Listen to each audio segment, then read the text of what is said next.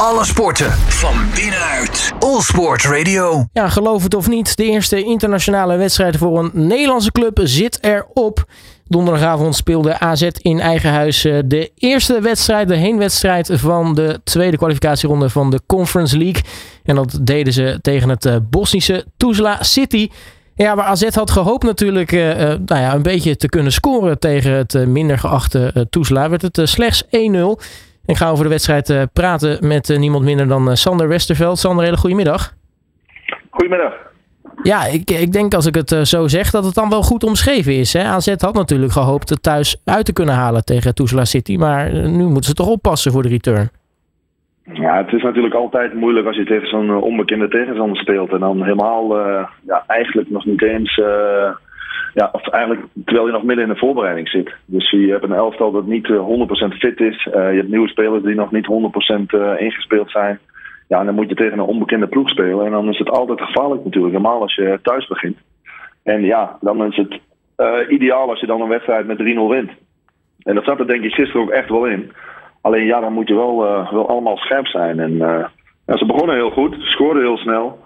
Uh, maar daarna, ja, dan, dan hoop je dat het, dat het 3-0 wordt en 4-0. Maar ja, dan maak je het zelf makkelijk. Maar ik denk dat het zeker nog niet gespeeld is, dus ze kunnen nog aan de bak. Ja, want over die 1-0, dat was uit een, een strafschop. Die werd benut door Dani de Wit. Maar de actie daarvoor van Jens Otkaart, ja, dat was toch wel mooi, hè? Hoe die zichzelf wegdraaide en lanceerde eigenlijk. Ja, ik moet eerlijk zeggen dat ik hem vorig jaar eigenlijk niet zo heel veel gezien heb. Uh, maar ja, nu de voorbereiding en, en, en, en sommige trainingen ook. Ik heb natuurlijk uh, mijn zoon die, die er bovenop zit. Dus die, die geeft me ook nog wel eens wat informatie. En het, het is gewoon echt een hele goede speler die, die echt perfect bij AZ past. Het, hij maakt een goede actie, maar het is ook, ook hoe hij speelt. Dus, hij heeft echt kwaliteit, hij is groot en sterk. Hij is snel, hij is technisch.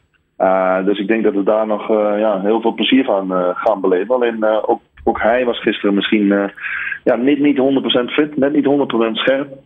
Moet nog een beetje aanpassen aan de spelstijl misschien van AZ.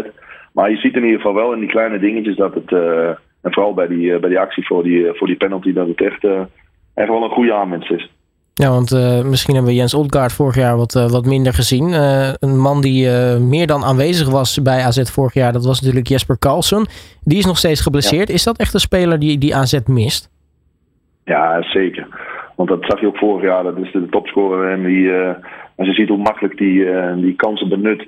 En hoe sterk die is in het positiespel. En ja, dat is eigenlijk ja, dat is een ideaal uh, ja, duo eigenlijk. Als we met z'n tweeën gaan spelen, dan, uh, ja, dan voorspel ik in ieder geval. Ik weet eigenlijk niet hoe fit hij is.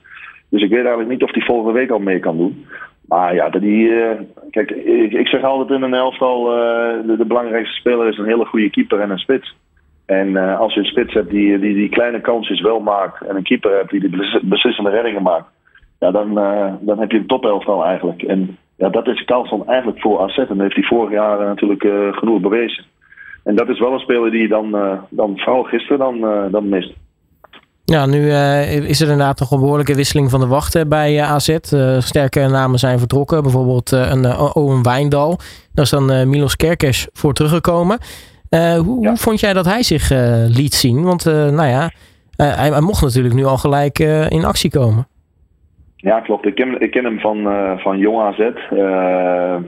Nogmaals, ja, mijn zoon die speelt daarin, dus ik zie, ik zie bijna alle wedstrijden. En daar kwam hij vorig jaar ja, vanuit Italië. en het is een speler die, ja, ik, ik zei toevallig nog een tijdje geleden tegen Max, de technisch directeur. Dus, dus alles of niet speler was het, was het vorig seizoen. Hij heeft maar één, één stand op, op, op zijn op zijn acties. En het is echt 100% voluit. Alles, uh, er zit geen, uh, geen rust in zijn spel. Dus dat is nog een beetje wat hij moet leren. Dus het is alles of niets. Maar het is wel een speler met heel veel drive en, en echt heel veel kwaliteit. Ook gewoon, uh, dat zag hij gisteren, dat kwam er gisteren goed uit. Als hij, wat ik zeg, die, die balans vindt. Van wanneer hij het eventjes rustig, aan moet doen en een beetje gedoseerd moet spelen en iets, iets verdediger moet gaan spelen, dan, ja, dan denk ik dat ze, dat ze heel veel plezier aan gaan beleven. En heel weinig terugdenken aan, aan Wijndal. Want ja, je zag gisteren gewoon dat daar ook heel veel kwaliteit in zit. Jammer genoeg schoot hij op de lat, maar dat was echt een, een schot uit het niets. En je ziet ja, dat hij dat ook kan. En je zag een paar keer dat hij een bal achter de verdediging neerlichtte. goede paas en sterk. En hij is gewoon echt, hij blijft maar gaan. Hij gaat 90 minuten gaat hij op en, uh, op en down, gaat hij uh, langs die zijkant.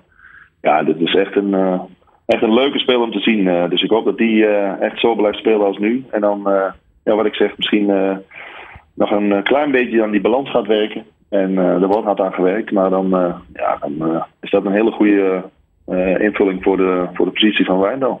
Nou, wat dat betreft staat er dus keurig een, eigenlijk een opvolger klaar. Want uh, nou ja, Wijndal was natuurlijk ook een eigen jeugdproduct van, van AZ. Die, die hebben over het algemeen toch een van de best, beste opleidingen van, van Nederland. Zie je dat ook, nou ja, je, je, zegt al, hè, Sam, je zoon die speelt bij, bij Jong AZ. dat, dat, dat er ook echt nou ja, goede, goede jongens zitten die ook echt wel over een paar jaar... Nou ja, misschien wel net zo goed als, als Wijndal zijn. Of, of, of in ieder geval heel goed zich kunnen laten zien bij, bij AZ. Ja, ik denk wel. Als jij de laatste tien jaar ziet, of de laatste vijf jaar zelfs, en ziet wat voor spelers er allemaal doorgebroken zijn en, en, en verkocht zijn. Ja, dan kun je niet anders concluderen dat AZ het gewoon echt goed op de, de rit heeft. En uh, het is ook gewoon een goede jeugdopleiding. En uh, dan moet ik even heel goed nadenken hoe ik dat zeg. Maar het, het is misschien ook wel makkelijker voor een, voor een speler om door te breken bij AZ. Kijk, als je een speler van Ajax bent, laten we het over de keepers hebben bijvoorbeeld. Als jij keeper bent bij Ajax, dan is het bijna onmogelijk om, om keeper uh, te worden, uh, om eerste keeper te worden en helemaal door te stromen vanuit de jeugd. Want ja, het eerste elftal, dat, dat is kwalitatief gewoon Champions League eigenlijk. En hetzelfde bij PSV. Het is voor een, voor een jeugdspeler misschien ook heel moeilijk om daar door te breken, omdat ze daar voor het kampioenschap gaan. ook Champions League spelen of Europa Cup. En ja, AZ, dan is de druk net iets minder. ja, ze spelen niet voor het kampioenschap. Het is meer een, een subtopper die, die voor Europees voetbal speelt. En die ook de kans uh, ja, kunnen geven aan, aan jeugdspelers. En uh, dat zie je ook uh, ja, vooral dit jaar ook weer. Met spelers die, die hun debuut hebben gemaakt. afgelopen seizoen moet ik zeggen. En ja, dat zie je dan ook bij Sam. ja, het is misschien makkelijker om een, om, om een speler, een jeugdspeler, zomaar erin te gooien. en ja, dan, dan bij een topclub. Dus wat dat betreft ja, heeft AZ wat, wel wat meer mogelijkheden om, om de jeugd ook door te laten breken. En plus ja, ik denk dat op dit moment dat zij de grootste subtoppers zijn. Uh, met Vitesse en Twente. En uh, ja, ook financieel. Dus ze kunnen goede spelers aantrekken. Dus ja, alle voorwaarden zijn aanwezig om, ja, om die jongens door te laten breken. En dat, dat gebeurt ook links en rechts. Ja, dan zou ik Sam toch vooral, vooral inzetten ook bij penalty series. Want dat, dat is een behoorlijke penalty killer. Ja, dat klopt. Ja, ja, dus wij zitten op de bank. Dus uh, mocht het volgende, volgende week uh, met, als we meteen al achter staan, dan uh, zal ik zeker Sam er, erin brengen. maar ja, ik ben ook benieuwd wat er, wat er gaat gebeuren op de, met de keepersituatie. we hebben natuurlijk nu ook gezien dat Pascal ja, Hobby Verhulst de eerste keeper heeft gemaakt. Maar ik heb toch wel een beetje in interviews gelezen dat het misschien ook wel alleen de Europa Cup is. Want hij zei ja, hij gaat beginnen. En ehm, ja, het is niet zo dat hij echt heel uitgesproken zei van uh, hij is mijn eerste man nu. Dus uh, ik ben benieuwd. Uh, Peter is natuurlijk een jongen die vorig jaar op zijn 23e naar Nederland kwam. ja, een beetje wisselvallig seizoen heeft gespeeld. Een paar blunders, maar ook wel goede wedstrijden. En het is altijd moeilijk om het eerste jaar te spelen, vind ik. Dus ik, ja, als ik de trainer was, had ik hem wel opgesteld als eerste keeper en met hem, met Peter begonnen. Maar nogmaals, uh, ik weet in ieder geval dat Peter tegen Bologna speelt, aanstaand weekend. Uh, de, de, eerste, ja, de laatste grote oefenwedstrijd. Dus daar krijgt hij de kans voor het eerst 90 minuten dit seizoen. En dan uh, ja, kan het ook zo zijn dat er misschien een test is geweest van de trainer. Van even laten zien van, ja, je bent niet zomaar eerste keus. Dus je moet je wel bewijzen. Ja, en dan moeten we even wachten op de reactie van, van Vindaal. Precies. Ja, kijk, had hij natuurlijk niet zo heel gek veel te doen, Hobie Verhulst. Eh, maar als hij, eh, als hij nodig was, stond hij er wel. En hij heeft uiteindelijk wel de nul gehouden. Ja, klopt. En hij heeft de voorbereiding, die wedstrijden die hij gespeeld heeft, heeft hij ook gewoon heel goed gespeeld. Hij is uh, voetballend, is die echt, denk ik, de beste keeper die ze daar hebben. Dat is natuurlijk ook heel belangrijk. Maar je zag ook in wedstrijden tegen Olympiakos bijvoorbeeld, waar hij echt wel een paar goede reddingen maakte. En stond op de, op de momenten waar je er moet staan. Dus ja, hij heeft zich zeker bewezen. Maar dan nog uh, vond ik ook wel dat, dat Peter niet zo heel veel kansen kreeg. Hij heeft, uh, Obi heeft twee keer 90 minuten gespeeld in de voorbereiding en, uh, en Peter twee keer 45. Ja, dus qua kansen hebben ze misschien niet dezelfde kansen gehad. Alleen ja, de trainer gaf ook aan dat hij ook had vorig jaar. En nou ja, Hobby heeft het goed gedaan. Alleen nou, dan ben ik echt wel benieuwd wat ze nu gaan doen. Want ja, ze hebben hem niet voor niks gehaald voor 2 miljoen, die Vindal. Ja, dus uh, ja, ik vind eigenlijk wel dat ze nog een kans moeten geven in ieder geval. Nou, dat is in ieder geval nog even afwachten. We hebben natuurlijk nog de, de return in, in Sarajevo op de Balkan. Nou, we weten dat het daar nog wel eens kan spoken als het gaat om, om Europees voetbal. Wat, wat verwacht jij dat, dat AZ kan laten zien daar in, in Sarajevo? Ja, goed, in die Balkan hebben ze natuurlijk uh, hele grote clubs met uh, hele gekke supporters en, en, en, en, een sfeer wat fantastisch is. Alleen bij deze club ja, weet ik niet hoe het daaraan toe gaat. Ehm, ja, je zag wel dat zij eigenlijk wel heel verdedigend speelden. En op een gegeven moment kwamen ze helemaal niet aan te passen. En gingen ze echt met acht man voor de goal hangen en echt proberen op de counter. En die kwam er eigenlijk ook niet uit. Dus het leek wel of zij dachten van nou, 1-0 is eigenlijk prima en we zien het wel. En, maar ik hoorde Pascal ook, die heeft natuurlijk die, dat team is natuurlijk door en door geanalyseerd. En door analisten en wedstrijden van de voorbereiding naar vorig jaar.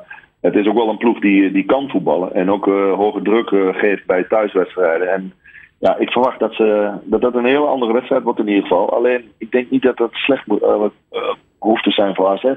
AZ heeft natuurlijk ook ja, baat bij een club die, die aanvalt en, en druk geeft. Waardoor je, ja, als je goed voetbal speelt en uh, positiespel speelt, dan krijg je heel veel ruimtes.